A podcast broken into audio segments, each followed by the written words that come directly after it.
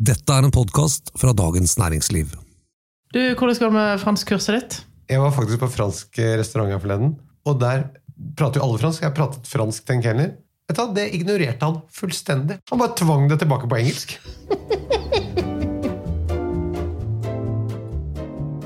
Hei og hjertelig velkommen til denne ukens eh, podkast fra Dagens Næringsliv. Jeg kan ingenting om vin, heter den.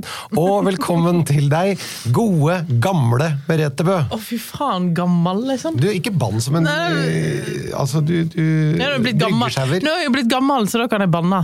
Det er liksom, Eldre folk har lov til å ta seg litt sånn De kan bare Litt sånn gi litt faen. Ja, der kom det igjen. Du, i dag har jeg gledet meg. Dette er jo eh, litt ekstra stas, må jeg si. Vi skal snakke om rød burgund. Endelig! Vi har aldri snakket om det før, Merete. Etter så mange episoder.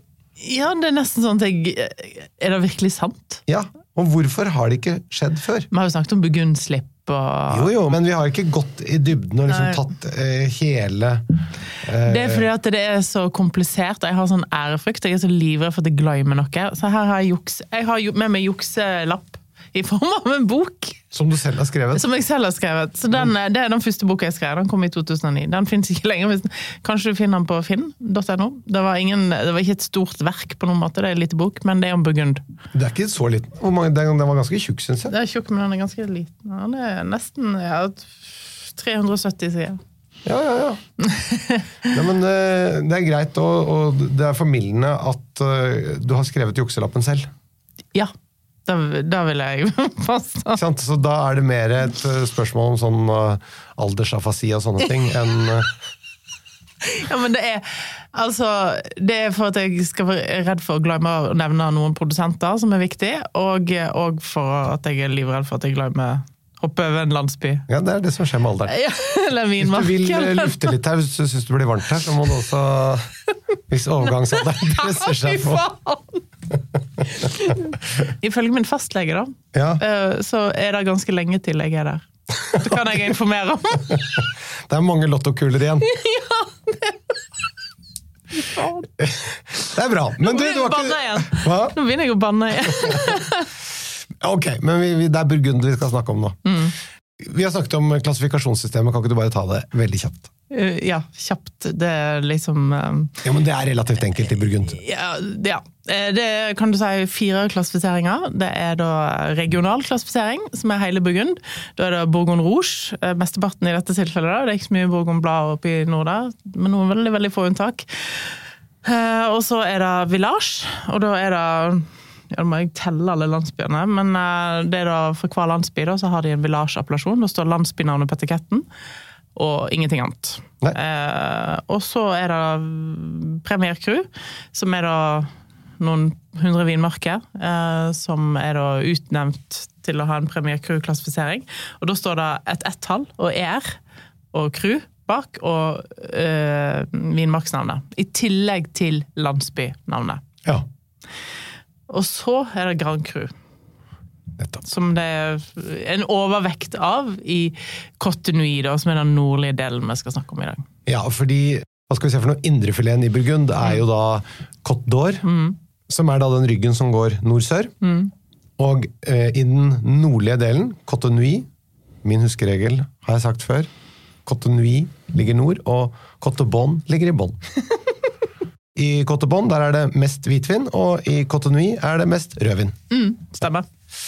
Det er litt kontraintuitivt, egentlig, for man tenker liksom at det skulle vært litt varmere for de mørke druene og litt kaldere for Ja, de det har litt mer med jordsmonn å gjøre, tror jeg. Og, og ikke minst tradisjon.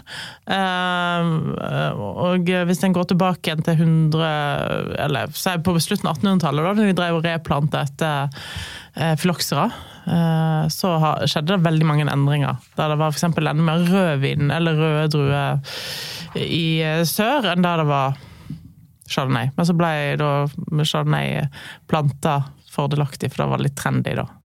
Jeg bare tenkte på en ting også For å forstå eh, geografien bedre, så anbefaler jeg egentlig lytterne å gå inn på winefolly.com. og så Vi kan legge ut link til, uh, til Winefolly. Mm. og så se, Eller bare google kart over, vinkart over Burgund. Så bare for å se geografien og navnene uh, som vi snakker om. Og hvis du vil nerde veldig Jeg må sjekke på telefonen min hva den appen heter. da. Ja. Klima med C. Vinea. Der har du et digitalt kart over alle vinmarkene i byen, alle landsbyene, og du kan klikke på hver vinmark og se hvem som lager den vinmarken.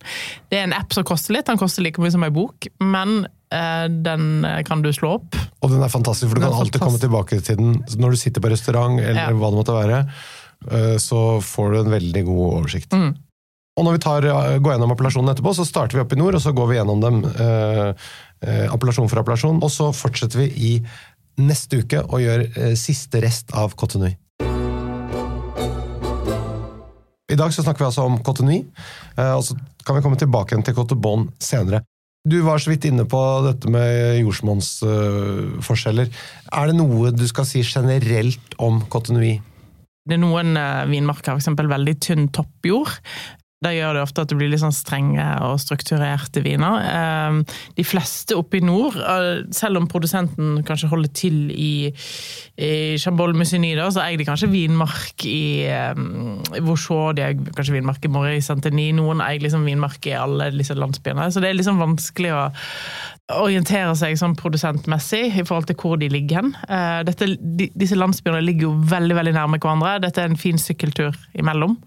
Eh, Du trenger ikke være i god form heller, vil jeg påstå. Eh, Det er ganske lett kupert terreng. Det er som å sykle i Danmark omtrent. Nesten. ja. Første gang jeg var i byggen, da husker jeg tenkte sånn Jesus. Jeg ble litt sånn skuffa. For jeg hadde lest om det. Jeg trodde det var brattere enn det det var. Det er jo egentlig ikke det. Nei, det er ikke det. Hiring for your small business? If you're not looking for professionals on LinkedIn, you're looking in the wrong place. That's like looking for your car keys in a fish tank. LinkedIn helps you hire professionals you can't find anywhere else, even those who aren't actively searching for a new job but might be open to the perfect role. In a given month, over 70% of LinkedIn users don't even visit other leading job sites. So start looking in the right place. With LinkedIn, you can hire professionals like a professional. Post your free job on linkedin.com/people slash people today. Jordsmonnet er da en blanding mellom kalk, leire, fossile avleiringer fra, eh, fra tidligere havbunn. Eh, Ja, en god blanding som fungerer veldig godt når du skal produsere pinot noir. Men vi skal si noe litt generelt før vi går i detalj om vinene. Liksom lagringspotensial og mye lite eik, eh, tannin. Det er ganske vanskelig å si noe generelt, for det er så produsentavhengig. Det, det viktigste er jo eh, valg av adresse her. Eh, og så kommer alt annet sekundært, egentlig. Noen, syns jeg, eiker altfor mye. De bruker 100 ny eik på druemateriale på viner som ikke håndterer det. Lagringspotensialet òg er veldig produsentavhengig. De beste kan ligge i 100 år, 150 år. De dårligste tåler ikke fem år engang. Kanskje, ok, nå var jeg litt streng. Ti år. Ja. Og det er jo ikke viner som du nødvendigvis må lagre kjempelenge. I hvert fall ikke de enkleste. Bourgogne Rouge for eksempel, er jo en vin du skal drikke ganske tidlig. Men de beste produsentene kan fint ligge i 15 år. ikke sant? Så det, er, det kommer så utrolig an på hva produsent en eh, liker og velger. Vi har jo snakket om det, at det, det er jo områder i nye verden som lager denne vinstilen. De lager pinot noirer og vil jo gjerne ligne på burgund, men det har en tendens til å få en litt sånn distinkt annen fruktaroma. Ja, altså Burgund er jo ofte litt mer sånn uh, ikke så up front i glasset, ofte litt lukka, særlig som ung.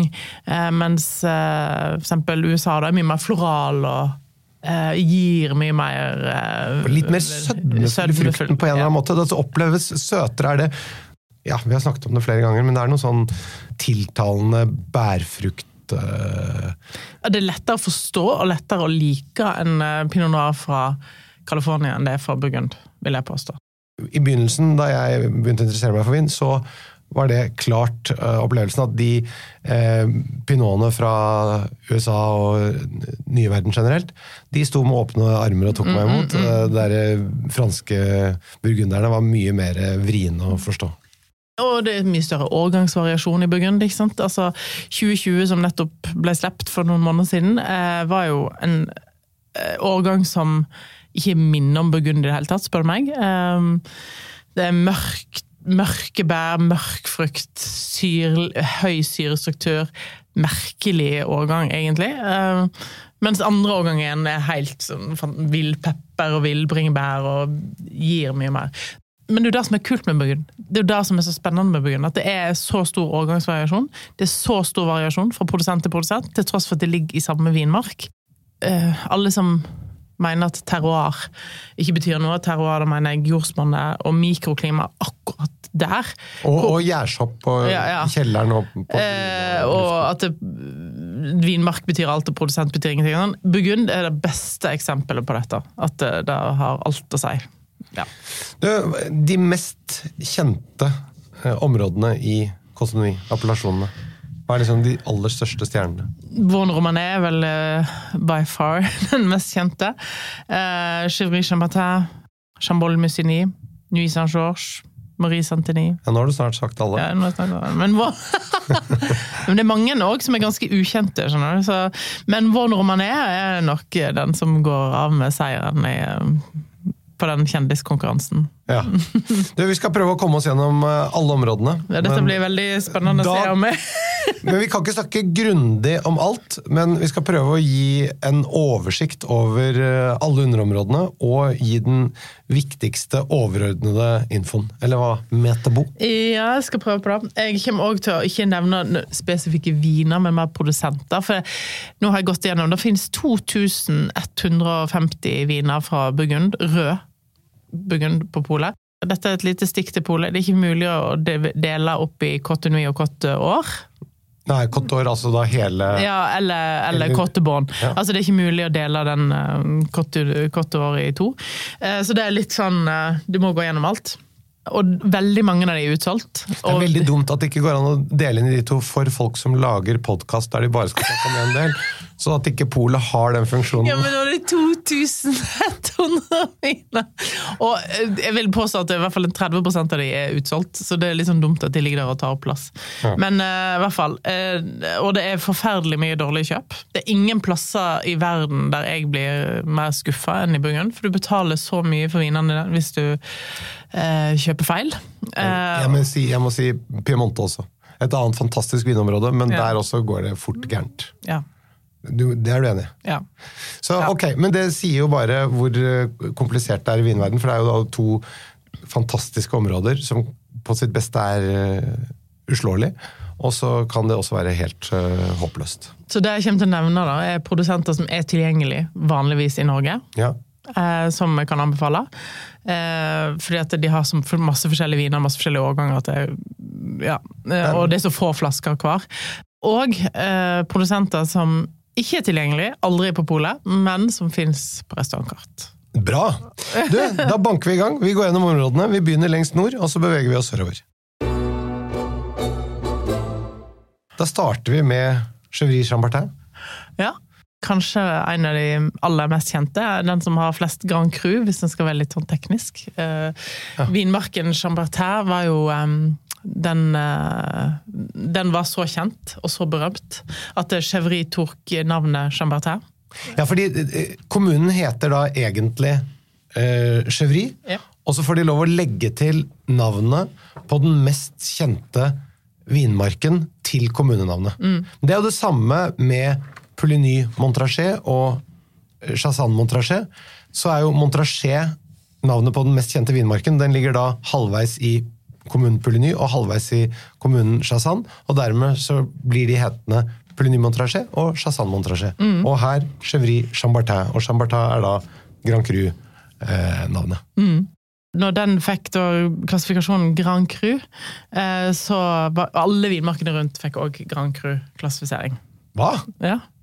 Eh, Så hvis du ser alle som grenser til Chambertin, fikk òg Grand Cru. Husker du hvor mange nå? Eh, ni? Ja.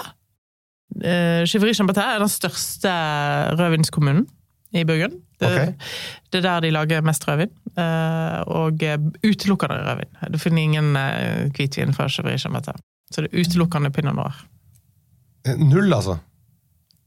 Null chardonnay. de eldste vinmarkene her, f.eks. Claude Bes, som ligger rett inntil Chambertin. Claude Bes var første gang nevnt på 600-tallet. Så, så, dette er ganske lenge siden noen gadd å lage en mur rundt disse vindmarkene. Altså, hvordan så det ut her? Ja, det, det, er det som er så fantastisk når du er i disse vinmarkene og stå der og se, og så vite hvor lenge det er. Man, man får en slags Man føler seg litt liten. Life is full of awesome what ifs, and some not so much, like unexpected medical costs. That's why United Healthcare provides Health Protector Guard fixed indemnity insurance plans to supplement your primary plan and help manage out of pocket costs. Learn more at uh1.com. Hey, I'm Ryan Reynolds. Recently, I asked Mint Mobile's legal team if big wireless companies are allowed to raise prices due to inflation. They said yes. And then when I asked if raising prices technically violates those onerous two year contracts, they said, What the f are you talking about, you insane Hollywood ass? So to recap, we're cutting the price of Mint Unlimited from $30 a month to just $15 a month. Give it a try at mintmobile.com slash switch. $45 up front for three months plus taxes and fees. Promoting for new customers for limited time. Unlimited more than 40 gigabytes per month. Slows. Full terms at mintmobile.com. I'm Sandra, and I'm just the professional your small business was looking for. But you didn't hire me because you didn't use LinkedIn jobs. LinkedIn has professionals you can't find anywhere else, including those who aren't actively looking for a new job, but might be open to the perfect role, like me. In a given month, over 70% of LinkedIn users don't visit other leading job sites. So if you're not looking on LinkedIn, you'll miss out on great candidates like Sandra. Start hiring professionals like a professional. Post your free job on linkedin.com/people slash people today. Og uh, Chevry Chambertin er da regna som litt sånn eh, kanskje den mest eh, liksom maskuline, litt sånn kraftige burgunderstilen. Eh, men den beste produsenten her lager jo florlette, delikate viner. Så det er jo litt sånn produsentavhengig her igjen, da. Ok, og da er beste produsenten her? Jeg tror det er vel ingen som vil diskutere med meg på det. Det er da Armand Rousseau. Eller da eh, Armand Rousseau var han som etablerte domenet, så det er da eh, Skal vi se, det blir vel oldebarn eh, som er Erik Rousseau og datteren som, som driver det i dag, da. Og lager jo viner som er ikke så lett å få tak i. Helt umulig, vil jeg si. Det var, det var noen flasker på burgundslippet til ja, Ole. Ja, det var det. Og de dukker av og til opp på restaurantkart. Vi eh, var jo heldige å få en flaske på Benjamin. Le Benjamin. Mhm. Og det var jo ikke altså det, det var jo ikke noe billigvin, men det var jo liksom en eh, Hva var det? To, to To og et halvt, ja, noe sånt. noe Ja. Så Det er jo villasjen der, altså. Ja, men, den var jo fantastisk. Ja, og det sier jo litt om produsenten. ikke sant? Altså, Når villasjen der han smaker bedre enn de fleste sin Grand Cru, Nemlig, for det, det, var, det er akkurat det det gjorde. ja. så er jo den eh, deres Grand Cru de dyreste i uh, Chevry Chambertin, uten tvil. altså Den uh, Chambertin de lager, koster jo 20 000 på polet, eller noe sånt. Har du smakt den fra den 19-årgangen? Nei. Fordi den har 14,5% alkohol, kan jeg bare melde om. Ja, det har den nok. Men eh, Ja, det- klarer den det, tror du? Ja, de bør klare det, men eh, samtidig så har jeg blitt skuffa over Rousseau sine viner. Selv i noen årganger. Jeg husker at når 2009 kom, så ble jeg kjempeskuffa. Som også var varmt. så varmt. Så jeg skal ikke si at det er Men vanligvis så er det fantastiske viner som kommer derifra. Så Ok, og, og flere produsenter som er litt mer tilgjengelige. Ja, eh, du har jo Fourier, da, som er eh, fantastisk òg. Eh, rim, mye rimeligere. Eh, og eh, Men ikke så lett å få tak i. ikke så lett å få tak i. Men På Polen polet nesten aldri. på Polen nesten aldri, men du får det på restaurantkart. Det er Ja. lettere å få tak i på restaurantkart enn uh, Rousseau. Ja, ja. ja. Eh, han er ganske natur, eller biodynamisk og nesten på grensen til naturvin. Svovler veldig lite, men lager helt fantastiske viner. Men det skal jo sies at i Burgund, det er jo veldig, veldig mange av produsentene der nå som dyrker biodynamisk, som svovler lite. Så det er jo et slags eh, Nesten i nærheten av noe man kan kalle et naturvinsområde, egentlig. egentlig. Ja, ja. Bortsett fra at det da ikke lukter vondt av vindene. ja. Vi har jo snakket om det før, men at naturvin er jo ikke egentlig en sånn avgrenset eh, kategori. Mm. Men, men hvis, vi, hvis vi bare styrer ut ifra at det er dyrket biodynamisk, at det er lite svovel og minst mulig hva skal vi si for noen tilsetningsstoffer. da. Eh, Lite eller ingenting. Og eh, det eneste er at de bruker jo eik. da. Det er vel en del av de naturvins, de som kaller seg naturvinsprodusenter som ikke gjør, er ikke det riktig?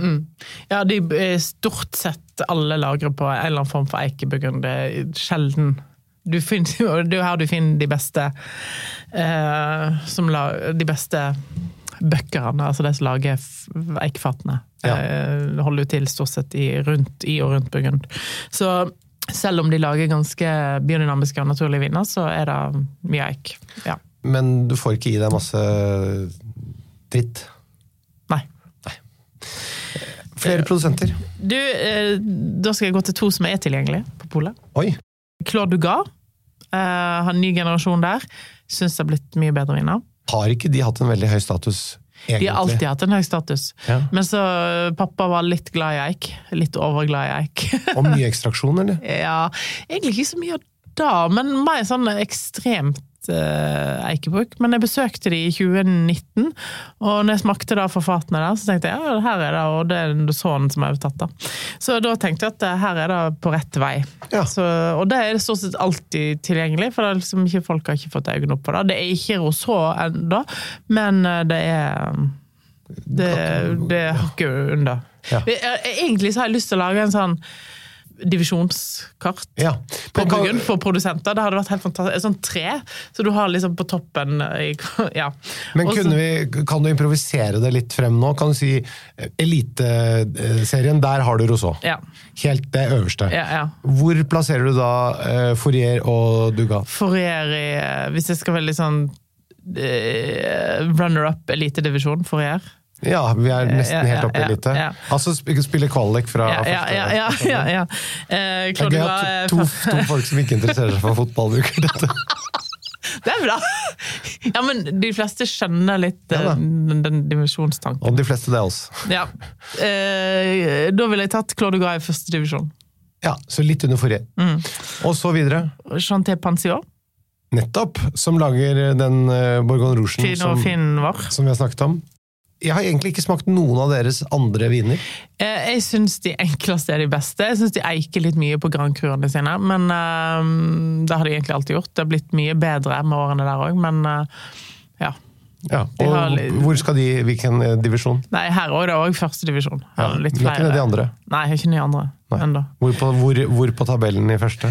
De ligger vel ganske likt med Claude Dugas, syns jeg, egentlig. Eh, sånn i min standing, da. Men eh, de har jo litt, midt- fil, midt fin- litt finere priser, så det er litt mer value, da. Ja. Ja. Eh, og så må jeg nett nevne Rossignol Trapé og Trapé, som er eh, ikke så lett å få tak i. Fins innimellom. Det fins noen viner på polet eh, som henger igjen etter noe slipp og sånn, tror jeg. Men eh, ganske mye lettere, delikatere, vi- mer delikat vin enn de andre i uh, Chevry, egentlig. Men jeg syns de er litt eh, for ustabile, da. Men, de kan ha eh, fantastiske viner innimellom. Kan levere helt til øverste, Ja, ja. og er kanskje generelt litt på vei opp, eller? Ja, ja, Så her snakker vi eh, kvalik for elite. ja. Ok. Ja. Men det jeg måtte nevne som jeg ikke gikk inn på, bare sånn for å tenke litt value òg. Nord for Chevry eh, så ligger jo to landsbyer som eh, ikke er så kjent, men der du kan få litt value for mannen i vin. Og det er Fissær, Ja, Fixin ja. skrives, og Marsanei. Der lager jo blant annet Fevli, største private landeier, men som lager eh, en del veldig gode viner. Mm. Eh, Og i massenei så har du òg en produsent som heter Adois, Charles, eh, som lager ganske sånn value for money-vin. Og Fisser flere. Disse to kommunene har blitt mer berømt etter det har blitt litt varmere i Burgund. For det liksom, de ligger litt høyere oppe, disse vinmarkedene, så de har jo slitt med å bli modne, men nå er de jo faktisk der. Eh, Og i tillegg er det blitt rimelig alternativ til dyrere kommuner som Chevrier og sånne ting. Så ja. Men, og, og det må vi jo bare si, vi har snakket om det før, men generelt at burgundviner, det, det er for de spesielle anledninger. For det er blitt så dyrt. Ja, det er blitt veldig dyrt, og til og med de, i Chevry så er det 26 Premier Crew-vinmarker. Ni Grand Cru. Eh, De 26 Premier Crew-vinmarkene er jo òg alle bikker tusenlappen, eh, vil jeg påstå. Så det er mm, kostbare saker. Men da, da vi hadde besøk av han fra Reach her, eksempel, Mm. sånne amerikanske produsenter som samme kategori som han, de er jo veldig opptatt av eh, Frankrike, og da særlig Burgund. Men han sa jo det Jeg smaker nesten aldri Burgund, det er for dyrt. Mm. Så det, det, det sier noe om de vinene. Det sier fall noe om at en bør velge rett når en først er Det er et annet eh, poeng her, men generelt så er det bare veldig, veldig eksklusivt, rett og slett. Da er vi over på Marie Santani. Ja, ikke Marie Santini har jo noen uh, fantastiske Grand Cru-vinmarker som er ganske berømt. Men, og, og så å si monopol, alle sammen. Altså, det vil si at det er kun én eier, ikke mange eiere i en vinmark. Um, Dett litt mellom to stoler. Uh, er ikke så berømt som Chevry eller så berømt som Chambol-Musigny, som er nabokommunene. Jeg syns alltid at en Marie Santini det kan være et godt kjøp, fordi at de koster litt mindre. Eh, Den har en sånn nerve i vinen, og en litt sånn syre som er litt sånn ripsaktig. Hvis, si. altså, hvis du skal skille dem fra hverandre, så er alltid Chevrien litt mørkere og litt mer, har litt mer substans. Mens eh, eh, Marie Santini er litt mer sånn nerverik og eh, litt mer vibrerende, på en måte. Men, men lettere, rødere og mer delikat? Ja, ja. Okay. Og syrligere. Chevry sånn vinstilmessig, vil du si at det er eh, av de tyngre vinene i Burgund? Ja, absolutt. Så, så mørkere, tyngre og mer strukturerte. Eh, ok. Og produsenter i uh, Maurice Antony? Ja, um, her er det kanskje mange som ville dratt fram disse her som eier disse Grand Cru-vinmarkene. Mommesæ på Claude Tart. Ja, nå er det vel ikke Mommesæ som eier det lenger. Claude Tart eh, ble jo kjøpt opp for noen år siden Uh, av uh, Hva jeg tenker meg om? Var det Francois Pinot som kjøpte det? Det tror jeg det var. Ja. En av Frankrikes rikeste menn. Uh, og eh, det samme skjedde jo med Claude Lambrey ved siden av, som er nesten en Grand Cru.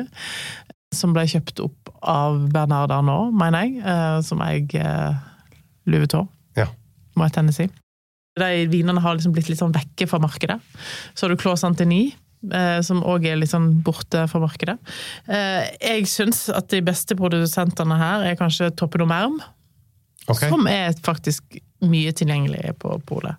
Og som du da plasserer i hvilken eh, Første til elite. Ok, men det ligger oppi der, ja. Mye høyt oppi toppen her. Ja. Eh, og så har du Arlot. ja, nettopp. Eh, Som du plasserer i. eh, der òg litt samme som runner-up til elitedivisjon. Litt sånn uh, up and coming fortsatt. Jeg følte jeg skrev det samme, at jeg var up and coming når jeg skrev boka i 2009. Eh, jeg føler vel fortsatt at de er der, uh, fordi at de overtok etter faren. og tre søsken, og faren var ikke så flink å lage vin. Og Han Suprier, som driver det i dag, han har gjort mye rett, men har litt, et lite stykke igjen. Snakker du da om hypen og omdømmet, eller snakker du om vinkvalitet? Fordi du må gjerne, hvis du har noen produsenter som du mener er undervurdert, som du sier at vet du hva, dette er elitenivå, men selger som om det var andredivisjon. Det er det vi aller helst vil ha fra deg. Jeg veit hva du vil ha. jeg kan ikke fake det. Nei da, det er det ingen som er ute etter. Damer som faker. Nei. Eh, Så det er jo de som holder til i Maurice Antony som jeg kan si er de beste. Og Det som er kult med Arlo, er at det stort sett er noe tilgjengelig. Eh, enn så lenge. Ja, Eh, det er veldig mange ganger jeg har sagt om Burgund at det er ikke noe stress å kjøpe den produsenten, for da får du alltid til, tilgang på. Og så går det ett år, så er det helt umulig. Ja. Eh, men Arlot har alltid vært tilgjengelig, sånn sett. Og eh, sammen med, sammen med Toppen og Merm er alltid noe tilgjengelig. Men de er liksom ikke helt oppe og nikker i elitedivisjonen. Det er for så vidt ingen i Maurice Antony som er. nei. Disse her er den, eh, den eh, gamle traveren som henger igjen i baren, som alltid er mulig å plukke opp. Fin one night stand! Ja, Det er to produsenter til som eh, For øyeblikket så tror ikke jeg Groffier er på markedet. Kanskje han er litt inn og ut av norske markedet. Og så en som ikke er på det norske markedet, som jeg alltid har likt veldig godt. eh, Hubert Linier. Hubert Linier lager veldig veldig lite vin. Nesten ingenting tilgjengelig. Men eh, hvis den er på tur til Frankrike, eksempel, så, så kan en plukke det opp. Og disse to eh, divisjonsmessige. Eh, Litt på samme nivå, egentlig. som Linier. Kanskje Hubert Linjer på en god dag kan være på elitedivisjon. Ok. Um, Men da lite tilgjengelig, så ikke så lett. nei. Du, Da snører vi opp sekken der. Det var så mye vi rakk av Cottony denne uken. Og så fortsetter vi i neste uke og gjør eh, siste rest av Cottony. Kjære lytter, hvis du har spørsmål, send oss dem til vin.dn.no. Denne podkasten den er produsert av Feelgood for Dagens Næringsliv. Vi høres igjen om en uke! Da jeg satt der og prøvde å prate fransk med han fyren på restauranten, så barna mine og hele familien min lo av meg. For det var jo helt patetisk. Så følte jeg at på slutten av måltidet så måtte jeg liksom prøve å vise han at du, jeg kan faktisk fransk. Så da hadde jeg akkurat drevet og tekstet på fransk med en jeg kjenner. Og så prøvde jeg å vise frem den tekstmeldingen. Da jeg holdt opp telefonen, så sa han ah, nice watch.